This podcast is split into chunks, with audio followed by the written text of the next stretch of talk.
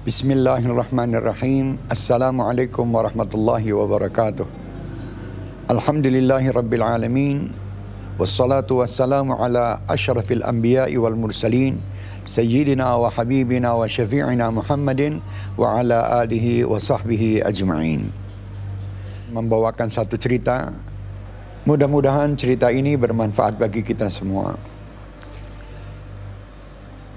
Ada satu kejadian saat itu di kampung orang lagi ribut dengan terbakarnya atau ada kebakaran salah satu rumah di kampung tersebut. Orang teriak-teriak ke sana kemari, kebakaran, kebakaran, kebakaran. Subhanallah, orang pada ribut untuk memadamkan api rumah tersebut. Di samping rumah itu ada seorang tua yang lagi duduk, badan api ini luar biasa. Duduk dengan tenang dia bersila dan memegang tasbih. Orang pada heran sama orang tua ini. Bapak, ayo bapak keluar, bapak keluar. Jangan sampai nanti rumah bapak terbakar dan bapak nanti kena api daripada bakaran rumah yang ada di sebelah itu tadi. Si bapak itu langsung keluar dan ini rumah hangus habis semuanya. Dan rumah bapak ini selamat. Bapak itu ditanya sama orang-orang itu, Pak, bapak tidak berasa bahwa tadi ada kebakaran di rumah samping rumah Bapak. Ya saya berasa tapi ya biasa aja katanya Bapak itu tadi. Ini Bapak ini orang Jawa. Dia menjawab dengan bahasa Jawa. Kalau nggak biasa mawon. Kalau nggak kerosot tapi nggak nggak mboten napa-napa kula niki tasih wiritan. Saya ini biasa saja, saya tidak ada apa-apa, saya masih lagi membaca wirid. Uh, orang-orang ini pada heran wirid apa yang dibaca sama Bapak ini kok ampuh betul ini Bapak. Si Bapak itu ditanya, Pak, Bapak ini membaca wirid apa? Bapak mau wirid nopo pak? Dalam bahasa Jawanya. Bapak itu mengatakan saya membaca wirid tadi ya kayuku ya kayumu. Ya kayuku ya kayumu, ya kayuku ya kayumu. Rumah Bapak ini kebetulan terbuat dari kayu. Padahal sebelahnya api. Kok dia bisa tidak terbakar rumah tersebut? Dan kebetulan juga wiridnya Bapak ini ditanya sama masyarakat, ya kayuku ya kayumu. Orang-orang pada tertawa, Kak, Pak, wirid apa itu ya kayuku ya kayumu? Lu ini wirid aturan yang diajarkan oleh Rasul Shallallahu Alaihi Wasallam.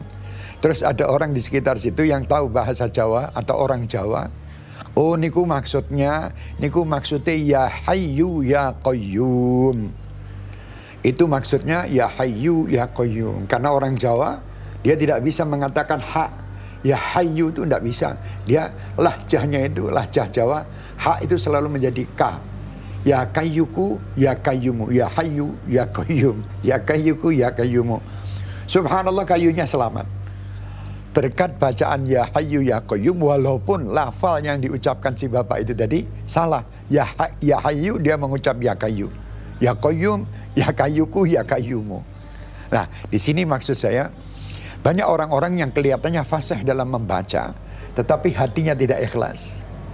Tapi ini si bapak ini tadi kelihatannya tidak fasih dalam membaca tapi hatinya ikhlas dan tulus karena Allah Subhanahu wa taala dan mempunyai husnudzon yang tinggi terhadap Allah Subhanahu wa taala.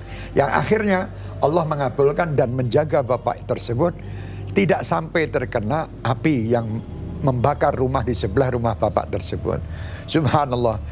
Maksud saya di sini mari kita wajib untuk melafalkan huruf-huruf itu dengan baik, dengan benar itu lebih afdol daripada yang tidak benar. Tapi jangan suka gampang menyalahkan orang-orang yang lafalnya mungkin kebiasaannya sama. Seperti orang Jawa biasanya mengatakan Al-Fatihah, mereka mengatakan Al-Fatihah. Niat dia juga Al-Fatihah. Jadi kita husnudzon aja kepada mereka bahwa dia akan niat mengucapkan Al-Fatihah. Tapi afdolnya tetap kita harus bisa fasih dalam melafalkan ucapan-ucapan Asmaul Husna ataupun Al-Quran. Ya, insya Allah jangan kita suka menyalahkan. Kadang orang yang kita salahkan dia lebih baik dan lebih ikhlas daripada kita. Walafu wassalamualaikum warahmatullahi wabarakatuh.